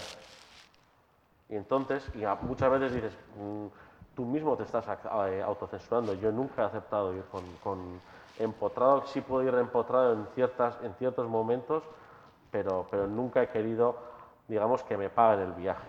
Porque para ir al frente tienes que estar empotrado sí o sí. Empotrado es cuando estás viviendo con ellos. Pero ya decir, bueno, pues me voy a Afganistán, me cuelgo la medalla de que he estado en Afganistán con un McDonald's dentro, McDonald's, ¿eh? McDonald's dentro de, dentro de mi propio de mi propio búnker o de mi propio cuartel, saco las fotos y, y, luego si muere un americano, pues ha muerto por la libertad en Afganistán o en Irak. Chris Hondros, el, aquel que murió hace 10 años, en abril, hizo 10 años, no sé si os acordaréis, aquella foto de una niña iraquí en la que aparecía con una luz de una linterna ensangrentada porque habían ametrallado literalmente a toda su familia en un coche y le dijeron, no puedes publicar esta foto porque ha sido un error. Tú tampoco puedes publicar errores. Con lo cual los soldados también tenían esa foto y nunca los publicaron. Gracias a Dios que ahí había un periodista que sacó esa foto, lo publicaron los medios, porque dijeron, no, ni el Ministerio de Defensa está por encima de la primera enmienda. Con lo cual, si nosotros tenemos esta información, la publicamos. Y esa foto cambió muchísimas leyes, tanto para bien como para mal, porque desde entonces muchas de las tarjetas, después del día, tienes que entregar las tarjetas, hacer una copia y te dicen, esta foto no, no, no. ¿Quieres publicarla? Sí, vale, te borramos, pero para mañana coges y te vas. Y te pueden dejar en la puerta, en Herat, en Afganistán, te dejan en la puerta. Con lo cual, los medios aquí no deberían de aceptar ninguna foto hecha por un soldado o por un miembro de un ministerio de información de un país. No, solamente a periodistas. Cuando digo periodistas, no son periodistas extranjeros, sino también a periodistas locales, que son los que se bregan y se juegan el tipo cuando están en una guerra. Por eso os quería preguntar también, vosotros vais, pero supongo que allí también hay periodistas y no sé cómo es eh, su trabajo, porque parece que mm, siempre tenemos en cuenta los periodistas internacionales, ¿no? Que vosotros sois internacionales cuando vais a, otros países, pero ¿y los locales? ¿Qué, pasa con su trabajo? No, Javi. Eso Andoni sabe muy bien, porque ahora está dando cursos en, en Erbil a, a, periodistas locales y lo puede contar mejor. No, bueno, Nick, llevamos ya bastantes años entre los compañeros que nos hemos dado cuenta de que, digamos, se está contando la historia de una manera muy occidentalista y muy paternalista. Es decir, vamos allí, contratamos a un periodista local, escribimos las historias. Aquí muchas veces se niega incluso la existencia del fixer, que es el que vamos allí, nos da las noticias, está pasando esto, ven, pero luego parece como que vamos allí y nos, ponemos ahí con todo el pecho paloma a recibir disparos, y tampoco es verdad. O sea, dependemos mucho de los periodistas locales. Pero estos periodistas locales muchas veces, la mayoría de las veces, se les niega el acceso a los grandes medios. Entonces, entre varios amigos y compañeros, decidimos crear la asociación Ronac Press, que es una asociación, uno, que da clases a periodistas, más que nada en riesgo de exclusión social, eh, dando prioridad a mujeres o, pues bueno, con algún, o, gente con algún tipo de mm, desventaja, ya puede ser pues, falta de una pierna, un ojo, correrías de guerra, etcétera, o situaciones familiares complicadas, que ya son periodistas o fotógrafos, digamos, a que tengan acceso a esas grandes agencias y a esa fuente de dinero para que puedan seguir haciendo y muchas veces también les enseñamos lo, más básico para poder moverse en una guerra. Si hay un fuego cruzado, dónde tienes que posicionar, cómo tienes que posicionar, distinguir el ruido de, un mortero, de un RPG, si es de una Kalashnikov, si es, tienes que saber todos esos ruidos y sonidos para poder irte a un lado o a otro. Y muchas veces ellos viven en un contexto de guerra, pero no tienen esos conocimientos entonces, bueno, pues estamos intentando enseñarles un poco de periodismo para que se, digamos, ellos o y ellas se, se empoderen. Vamos a tener que dejar el turno para las preguntas, pero dos cosas breves que no quiero dejar escapar. Una, Javi, has mencionado dos veces la palabra paracaidista. ¿Os sentís paracaidistas? Yo sí, sin ninguna duda. Por mucho que te lo prepares el tema, por mucho que hayas leído, por supuesto que eres un paracaidista. Es, es lo que ha dicho un poco Andoni también. Hay gente que está trabajando ahí en la zona sin la que la figura del fixer, que muchas veces son periodistas locales, sin esa figura yo no sería nada en el lugar donde estoy, porque esa es la persona que me da contactos. Yo podría estar perdiendo semanas incluso, y no te digo nada, rollo Oriente Medio, tal y como es la administración, que, que se tardan días y días y días en conseguir permiso. Sin embargo, él sabe con quién tienes que hablar o a quién tienes que pagar para conseguir cualquier permiso. Por supuesto que somos paracaidistas, por mucho, por mucho que te prepares el tema, puede ser más o menos paracaidista como pasa en alguna situación que igual te has preparado menos el tema o, te ha surgido una oportunidad de trabajo en cierto lugar y tienes que ir. O hay veces que estás meses preparándotelo, pero sí, sí, por supuesto que eres un, un paracaidista, sin ninguna duda. Yo incluso que llevo más de 10 años trabajando en el tema del Sahara y tengo ahí muchos, muchos amigos, tanto digamos en, trabajando a pie de calle como en las oficinas del Polisario. Yo aún y todo voy allí y me siento un paracaidista, porque necesito la ayuda de ellos para poder comprender qué es lo que está pasando. Y después la segunda cosa que no quería dejar escapar es eh, si tenéis, e intuyo que no, porque en la exposición ahí se ve el desequilibrio, muchas compañeras mujeres. En la exposición la mayoría de los fotógrafos son hombres y no sé cómo veis eh, el panorama, si veis que ha cambiado un poco en lo, el tiempo que lleváis trabajando y cómo auguráis el futuro. Yo es que tengo que decir que tampoco hago distinción entre cuando estoy ahí no veo nada más que compañeros, compañeras, no. Sí que es verdad que, hay menos mujeres, ya que tenéis desgraciadamente más problemas para acceder al trabajo y a ciertas zonas, pero a la vez también creo, y le oí hablar a una fotógrafa de la agencia Panos Picture, que en ciertos momentos tenéis muchísima ventaja frente a los hombres en algunos casos. Por ejemplo, eh, a la hora de eh, acercarte a una temática de la mujer en Afganistán, Irán, Irak y todo Oriente Medio, si quieres hablar de una temática de la mujer, sí tenéis ventaja, cosa que los hombres pues tendríamos ya todo en contra. Hay mucha menos, sí, he hablado con compañeras y nos dicen, bueno, que, que aquí la cosa que también sí está cambiando, pero sobre todo si vas a Oriente Medio y todo, ves muy, muy, muy pocas mujeres, muy pocas mujeres, cosa que yo creo que sí debería de, ir cambiando. Pero también eso significa ver una cantidad tan mínima de mujeres, significa, es un fiel reflejo de cómo está la sociedad también. Se debería de cambiar la sociedad para poder cambiar todas estas cosas, porque cambiando solamente en el, en el mundo del fotoperiodismo tampoco cambia, sería un buen inicio para empezar a cambiar la sociedad pero no, no lo es todo. Hay que cambiar una sociedad que ya está bastante arraigada en el machismo. Sí, yo una cosita aportando esto, en, creo que era Fotolari también, en el que había eh, mirado el, el, WordPress, es una del, lo llamaría concurso fotográfico uh -huh. sobre fotoperiodismo de los más importantes del mundo y creo que esta vez, este año, el año pasado, llevan como dos años presentándose un 12% de mujeres. Vale que al concurso se presenta quien quiere, que no, no toda la gente que trabaja, yo no me presento a concursos, eh, suele pero aún así es significativo que solamente de, de, del 100% solo el 12% sean mujeres. Sí, sí, sí. Pues si os parece bien, vamos a dejar a, a la gente que pregunte. Si tenéis alguna pregunta. Qué bien explicamos todo. Bai. Vamos, vamos, bai.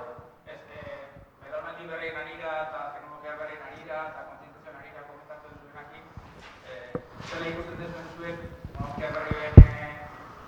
aukera, nolabait gerturatzeko belaunaldi berrientzako, eh, hau, bueno, lan guzti hauen eh, edo da jende guzti horren eragidadea, ez? Eta nolabait, gazte jendeak ere ikusten badu, ba, beste kolektibo izan gau jendea ere, ba, bera bezala saretan dagoela, eta bar, eta ez dakit, empatia puntu hori gerturatu daitekeen edo lagundu dezaken. Gero izateko konsumitzaile, Claro. Nik Stanley Greenein bideo bat ikusen, Stanley Green zan nur agentziko argazkilari bat, oso argazkilari mitikoa, eta baina dela hiru urte hil zan, eta beak esaten zuen, bienvenida la tecnología si trabaja para mí. Eta sare sozialen inguruan ere hitz egiten da, esaten zuen, bueno, beak parte batean esaten du, hori argazkilaritzak bere zilegitasuna publikoki galdu dola, Photoshop erabiltzen dalako, eta, bueno, esaten zuen, igual karretera bueltatu beharko ginela, egia demostratzeko, eta hori, baina momentu baten sare sozialen inguruan esaten du, oso mm, burutazio hona ikusitzen. Sare sozialak pribatuak die. Hau da, sare sozialak esaten baldin badute, bihar ez dago Instagram, eta punto. Ezin diegu exigitu lan publiko bat. Ez dalako publikoa. Pribatua da. Orduan, pribatatasun horregatik ikin dute nahi dutena. Eta nahi dutena da zu hor kontsumitzen egotea. Denbora guztin. Orduan, erramienta pribatu horiek erabilita zuk inungo botere erik eta ez daukezun toki horretan gizartea eta generazio berri aldatzean hastea, nik oso zaila ikusten dut. Nere apustua da, eta hemen argi eta garbi izango dut, hemendikan hamar hogei urtetara sare sozialak izango direla droga moduko bat. Ba, zuk sare sozialak erabiltzen dituzu, baina horre badakizu ezkenen manipulatu egiten zaikula. Izan zan, Facebook irtetzen izan zan, jode, haze erraminta aspaldi ikusi gabeko lagunak ezagutzeko, berriro ere, eta izango dira, hemendikan hogei urtetara, sare sozialak izango da gure buruari gaitz egingo dion zerbait. Ia gizarteak ikusiko delako orduan. Generazio berri gure, bai, gure esku eta gobernuen esku dago. Hori nire ustez eten egin beharko litzateke. Zen gaur egun kazetari batek informatzeko ere sare sozialetara geroz eta gutxi du. Gero hor da ere eh, RSS-ak, we- webgune jakin batzuk sartzen zara eta nik azkene, azkeneko hiru hilabetetan sare sozialik ez dut ere- ez nahi sartu ere egin. Eta aldiz nire nire ekonomikoki egoera eta nire lan egoera goruntz joan da. Orduan, generazio berri horiei erraminta hori eramatea, que ez da erraminta bat. Osa, argi eta garbi ikusten, no, es que la herramienta las redes sociales. No es las, como cambio social, una, una red social nunca va a ser una herramienta. Nos tenemos que dar cuenta de eso. Es mucha más herramienta una exposición así. Por ejemplo, una de las cosas que a mí más me motiva, con Ron Acre solemos ir a institutos a dar charlas a los jóvenes para decir, mirar cómo manipulan las redes sociales, mirar qué es lo que... ha-". Y, y les lanzo siempre el mismo lema que es, Vocento, el grupo Vocento, lanzó hace unos cuantos años un lema que era, piensa como quieras, pero infórmate. Y es el primer paso para la manipulación. Yo les digo, ten cuidado, porque igual deberías de informarte como quieras, pero luego pensar. Y es eso, lo de, el, el lema ese de piensa como quieras, pero infórmate, es lo que nos ha llevado a las redes sociales, a la masificación y a que, y a que de repente eh, Lady Gaga tenga muchísimo más importancia en una sociedad como la de ahora, salir a la calle y tal esto, y Lady Gaga tiene mucha más presencia que cualquier cosa que- que debería tener más importancia. O sea, hay que valorar otra vez el puré de verduras, hay que volver al puré de verduras. Yo no estoy muy de acuerdo contigo con, Bien, con, el tema, con el tema redes sociales. Quiero decir, la manipulación ha existido desde que ha existido la prensa. O sea, desde que... ¿No crees que eso ha sido potenciarlo un poquito más? No, porque estamos, al final, no sé quién le oí, que al final tú- militas en los medios de comunicación que lees. Porque tú, claro. al final tú eliges que cu- cuando tú te haces tu perfil de Twitter, por ejemplo, te dice, ¿no? Y te sugiere que, que- que sigas a determinado grupo de gente. Si yo, por ejemplo, seguiría la ABC, Twitter me va a decir, tío, tío, pues la razón también te va a gustar. Y me va a, a señalar una serie de medios de comunicación y luego me saldrá Bascal y luego, en- o sea, quiero decir, al final, pero si yo soy, si yo pienso de esa manera, eh, yo daré me gusta a toda esa gente que voy a seguir. Sí, pero tiene el peligro de que no te muestra la otra parte. Claro, Solamente pero- te está mostrando una parte. Pero eso también lo hace cualquier periódico de aquí. Sí, pero lo que te hace es potenciar muchísimo más. Yo no y, te, y te excluye directamente y encima te hace a estar avinagrado porque las noticias que te llegan del otro lado siempre son, Bueno, digamos, las más bajas. Eso será cuestión de carácter, el avinagrarse o no, o el enfadarse o no. Quiero decir, al, al final lo que quiero decir con esto es que yo he sido crítico toda la vida cuando he visto una noticia en Telecinco o cuando la he visto en Twitter. Y me pregunto, ¿esto de dónde sale? ¿Esto a quién beneficia? Esto... Pero yo creo que esas son las preguntas que deberíamos hacernos todos. Cuando me dicen, cuando yo leo, en el instituto, ¿se van a crear herramientas en los institutos para detectar las fake news? Digo, hostia, ¿en serio hay que saber detectar las fake news? Quiero decir, yo enseguida me pregunto, es como cuando dicen, y, voy a poner el tema migratorio porque sé que controlo. Eh, que decía Vox, eh, cuando bajan en patera de, a- y llegan a Andalucía, eh, les, reparten jamones, les reparten relojes. digo, ¿De verdad os creéis esto o queréis creeros esto?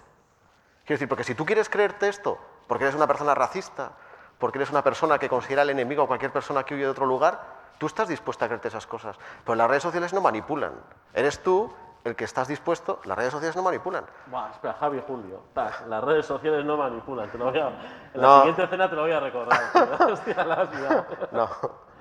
Lo Nos que estás diciendo, bien, ¿eh? lo, que, lo que estoy diciendo es que al final tú, tú militas en tu red social Y tú- te manipulan porque hay un algoritmo que pretende que tú Claro. estés ahí teniendo la idea que tú quieres. Sí te manipulan, el algoritmo Y te va a fomentar- para manipularte. Y te va a fomentar ese, y te va a fomentar esa idea, pero al Si te final... fomentan una idea artificialmente no es manipular. Pero a mí me da igual que me salga en Twitter o en YouTube que la Tierra es plana y que, y que los terraplanistas no sé qué, porque... No, no es, la manipulación siempre es mucho más sutil.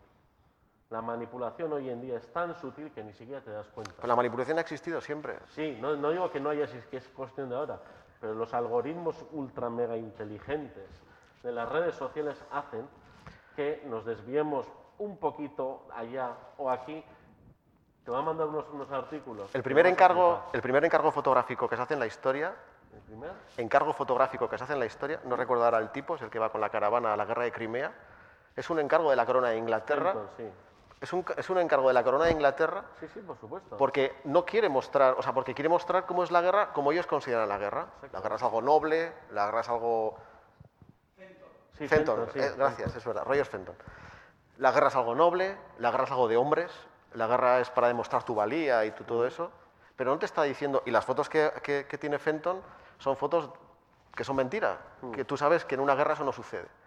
Y no es porque hayas estado en ella, es porque luego ves las fotos de Robert Capa años después y dices, hostia, esto de verdad es una guerra. Y lo que te he dicho antes, por ejemplo, de que yo ponga una foto, un enlace a un artículo mío Sí, y de repente y de repente digan eh, no esto no se muestra eso no es una manipulación. Claro Para que es una tú- manipulación. pues entonces las redes sociales sí manipulan. Pero- son mucho más sutiles son muchísimo muchísimo más sutiles. Saben más de nosotros ellos de nosotros que nosotros de nosotros mismos. Manipula el algoritmo porque alguien paga el algoritmo, igual que alguien pagaba Roger, igual que alguien pagaba Roger Fenton. claro. Quiero decir, al final, eh, entonces manipulan Javi. joder, pero, pero manipulan lo mismo que manipula la prensa, no manipulan no lo mismo, no, no Y- lo mismo, no. No solamente te manipulan a la hora de informarte, sino que te manipulan también sobre tus gustos, etcétera. O sea, el algoritmo está preparado para manipularte para que tú pienses de una manera u otra muy sutilmente. O sea, yo Pero- ahora porque me entre en Twitter no me voy a hacer de Vox. Claro que no. Y el titular, y el titular que lee, el tipo de antena 3, o esa, el, Pero te manipulan en tu espectro. Quiere decir que si tú eres una persona de derechas e izquierdas, la información que te va a llegar, estoy hablando ahora mismo de Twitter, la información que te va a llegar es de lo bien que hacen los míos y de lo que fuera se pretende. Por ejemplo, muchas, muchos de los, eh, muchos de la publicidad o muchos de, la- de- de los artículos que leen mis compañeros, de repente yo les he visto el timeline y digo, de público, no sé quién, Gerardo TC, tal, algún toque de humor de norcoreano, ta, ta, ta, y luego alguna barbaridad que suelta algo que sabe Twitter que le puede remover la conciencia para que actúe, para que siga, digamos, acentuando ese perfil que el algoritmo le está interponiendo. O sea, eso, pero es que eso lo mismo lo dicen los, los propios de Twitter. Yo también pongo en Instagram y Facebook dicen, no, no, a mí no me interesa que tú hagas clic y te vayas a una noticia interesante, yo quiero que tú sigas ahí. Con lo cual, al final, que tú sigas ahí, el, ¿cómo es este? El Rastas este de, micro- de Microsoft. Un tío que se ha salido todo, que está diciendo, ay, no me acuerdo ahora. ah, el del documental, un tío, ya sí, sé. sí, pues bueno, es- él explica, El es un de las redes. informático de Silicon Valley, en- de los principios también, de, de cuando los hackers hacían las cosas en los garajes de los padres, eh, eh, que dice que yo he visto partes del algoritmo diciendo, y son capaces de manipular a cualquiera. ¿Por qué? Porque no es al final nada más que una máquina tragaperras en el que tú estás recibiendo dopamina continuamente, continuamente, y al final dice, tu cerebro inconscientemente tac, va a esa parte. Y habla también de las pantallas, de cómo nos manipulan no solamente las pantallas, las televisiones, sino las pantallas de los móviles, etcétera. No sé si veis, yo tengo un Nokia de estos viejos y soy súper feliz de quitar las pantallas, Javi. Me parece muy bien. Y yo puedo estar de acuerdo en que, en que sea adictivo y crea adicción. Pero sigo diciendo que la manipulación ha existido toda la vida. Yo no, te estoy eh, debatiendo eso. Yo no te estoy diciendo que la manipulación es ahora, sino que simplemente las redes sociales manipulan de una manera mucho más sutil y manipulan a una generación que no es capaz de discernir que le están manipulando.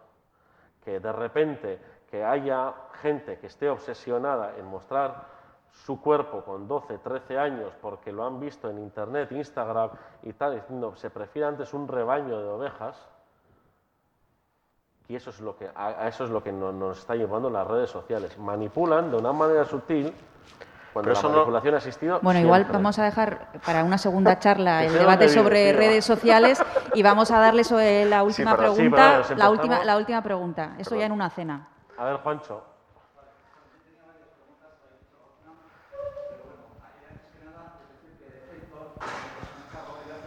pero él lo que hace es fotografiar más la luce, porque no, en sus fotografías no aparece ningún muerto, son fotografías de, del campo, de reuniones, de las acciones de campaña, ¿no? Efectivamente. Hay cierta manipulación a no presentar las fotos de, de lo que sucede en el campo de batalla, que es de la realidad, ¿no? Aunque las condiciones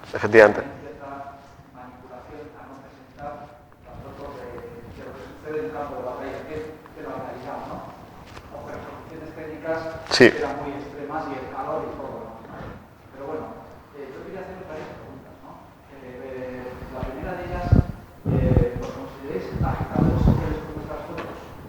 Segundo, ¿sois contadores de historias, documentalistas, periodistas? ¿Nuestras fotos son para denunciar? Y luego, eh, quería comentaros también, a ver, no sé si veis las grandes agencias como AP, Reuters, la OCP, las, las veis como manipuladoras de, de- de imágenes o, o están un poco eh, supeditadas a lo que los gobiernos le- les, les mandan. Y luego, estáis hablando de las redes sociales también un poco, pero claro, eh, cuando muere Gaddafi, las fotografías que llegan al mundo de las televisiones eh, son a través de teléfonos móviles, son las redes sociales las que transmiten eh, casi eh, al momento pues, eso, su muerte, el apareamiento y demás. ¿no? Y eso es un poco desvalidado. Yo quiero decir una cosa, porque antes también quería hablar sobre las fotografías de móviles relacionado con eso. Creo que fue en Perpiñán en 2014-2013 hubo una exposición sobre cómo los móviles habían eh, ayudado o habían cambiado de alguna manera la manera. Bueno, hacía una especie de pregunta, ¿no? Si eso iba a cambiar o no iba a cambiar. Eh, con lo que estás diciendo, con lo, de, con lo de Gaddafi y todo esto, por ejemplo. Sí que es verdad que para los medios puede valer eh, una imagen en el momento que ha sucedido por el rollo de la inmediatez. Y sí que es verdad que en ese momento los, los- los medios, claro, que apostarán por esas imágenes, primero porque son gratis y segundo porque eh, lo que quieren en ese momento es contar la noticia a los primeros, ¿vale? Pero yo no creo que eso vaya a cambiar ni que... Otra cosa es que nosotros tengamos que hacer fotos con móviles dentro de 10 años porque la tecnología haya mejorado de esa manera, que, que un móvil te dé calidad suficiente y tenga ese tipo de cosas. Pero yo no, yo no creo que, que, que un móvil vaya a sustituir a, a una cámara. Primero, porque en la persona que ha hecho la foto con el móvil ha hecho la- el suceso de la foto noticiable, digamos, pero, y lo relaciono con la pregunta que hacías de, ¿tú te consideras contador de historias? Yo sí, yo creo que... Eso ya no lo sé, quiero decir.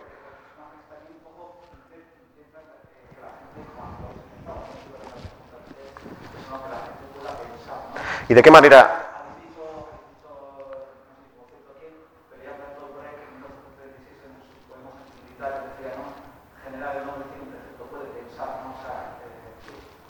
Yo acabo con esto, ¿de qué manera eso se puede medir? ¿no? Y, y- y el, el editor de Don McCallin, que es el, típico, el mítico fotógrafo de, pues, de Vietnam, por ejemplo, eh, él decía, ¿no? Eh, eh, Don McCallin sí ha, hecho que los estadounidenses cambien un poco su actitud ante, ante la guerra, pero eso cómo se mide, ¿no? O sea, quiero decir, y él ponía el ejemplo, pues al final él decía, para mí son piedras que se lanzan a un lago, ese lago hacen ondas y esas ondas llegan a algún lugar, y eso hace que de alguna manera sí que, sí que haya algún cambio. Yo de agitador social no, no creo que tenga. Lo que sí quiero es que mis fotos. mm, yo sé que mis fotos no van a cambiar la vida. Sí pueden hacer que cambie igual a mejor la vida de alguna persona en algún momento. Por eso esta semana he hablado con una ONG y les he dicho, mira, coger todas mis fotos, os las cedo. O sea, no, no pagáis más por una foto mía y, y tomarlo, porque si por lo menos puedo, a través de mi fotografía, hacer que esa ONG pueda lanzar una campaña para una situación concreta y que lleguen más alimentos o que se pueda expatriar a gente y tal, yo contento. Yo sí entré en este, en este oficio con ese punto o ese halo de romanticismo. Yo, a mí sí me, sí me gustaría que mis fotografías, he visto algunas veces cómo mis fotografías han cambiado algo, delante de mí incluso, y me he sentido orgulloso. Lo que pasa es que vuelvo a, voy a votar otra vez a contradecir a, a Javi, yo no puedo competir contra, contra Instagram. Mis fotos ya, por muy, no digo violentas, sino por muy, no sé cómo, no, no, no, no me sale ahora la palabra, no puedo competir contra el coche Mercedes que está poniendo mi vecino, por ejemplo. Eso sí es manipulación, por ejemplo, que den prioridad a cierto tipo de golosina respecto a otra porque esa otra hace que la gente viendo Instagram se vuelva triste.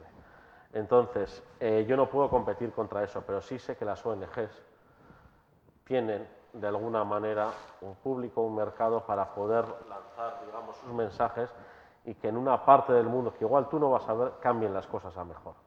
Con lo cual yo he tenido varios meses de reflexión diciendo, ¿qué hacen estas fotos en mi disco duro? No, pues he llamado a un par de ONGs y las dos me han dicho que sí. Con lo cual, agitador social no, pero sí me gustaría pues, crear conciencia, ¿no? precisamente. He donado esas fotos para que se siga creando conciencia. Y a mí todas las ONGs que me vienen, que me dicen, mira, necesitamos una foto, hablo con ellos, digo, vale, mi foto va a restar mucho del presupuesto que tenéis, a qué vais a llegar y tal, y cada vez que me dicen, o si es para una exposición de alguna ONG, asociación de vecinos o lo que sea, lo doy. No tengo ningún problema. Si eso es ser un agitador social, sí, lo soy, pero no creo que lo sea.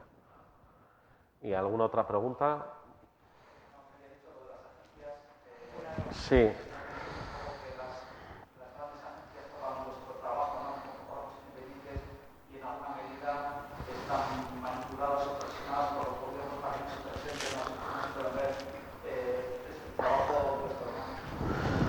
Las agencias también dependen de, muchas veces de socios capitalistas y de gobiernos, que son los grandes socios capitalistas. Por ejemplo, en República Centroafricana estuve con los sangarís, que eran los, la legión extranjera de, Francia. Estuve en ciertas zonas que, me decían, no, ahí no vayas, ahí no vayas, ahí no vayas, y precisamente a los dos días fui y saqué unas fotos que se había visto que había habido una matanza. Bueno, pues ninguno me los compró. En ese momento estaba trabajando para France Press y me dijeron, y no me volvieron a coger ninguna foto más del país, como diciendo, no, aquí ya se ha terminado.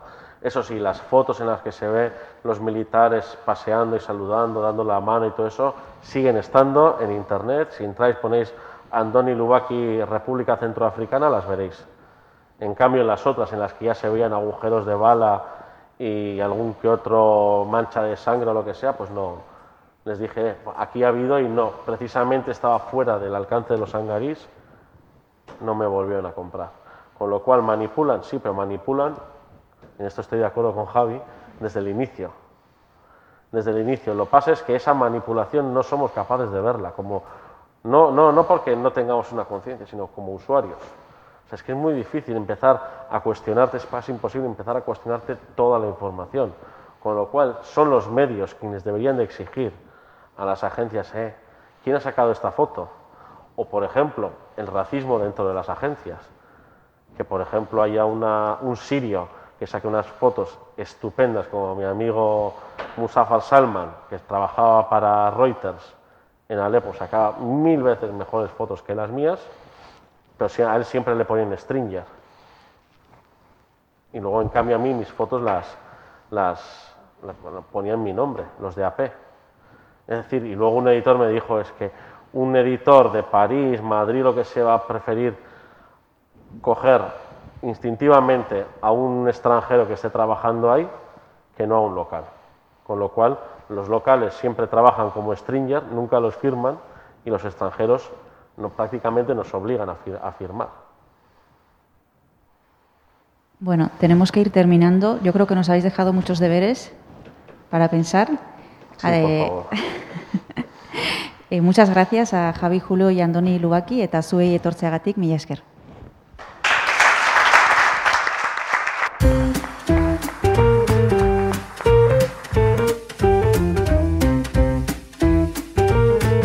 Donostia Kultura Irratiaren podcasta.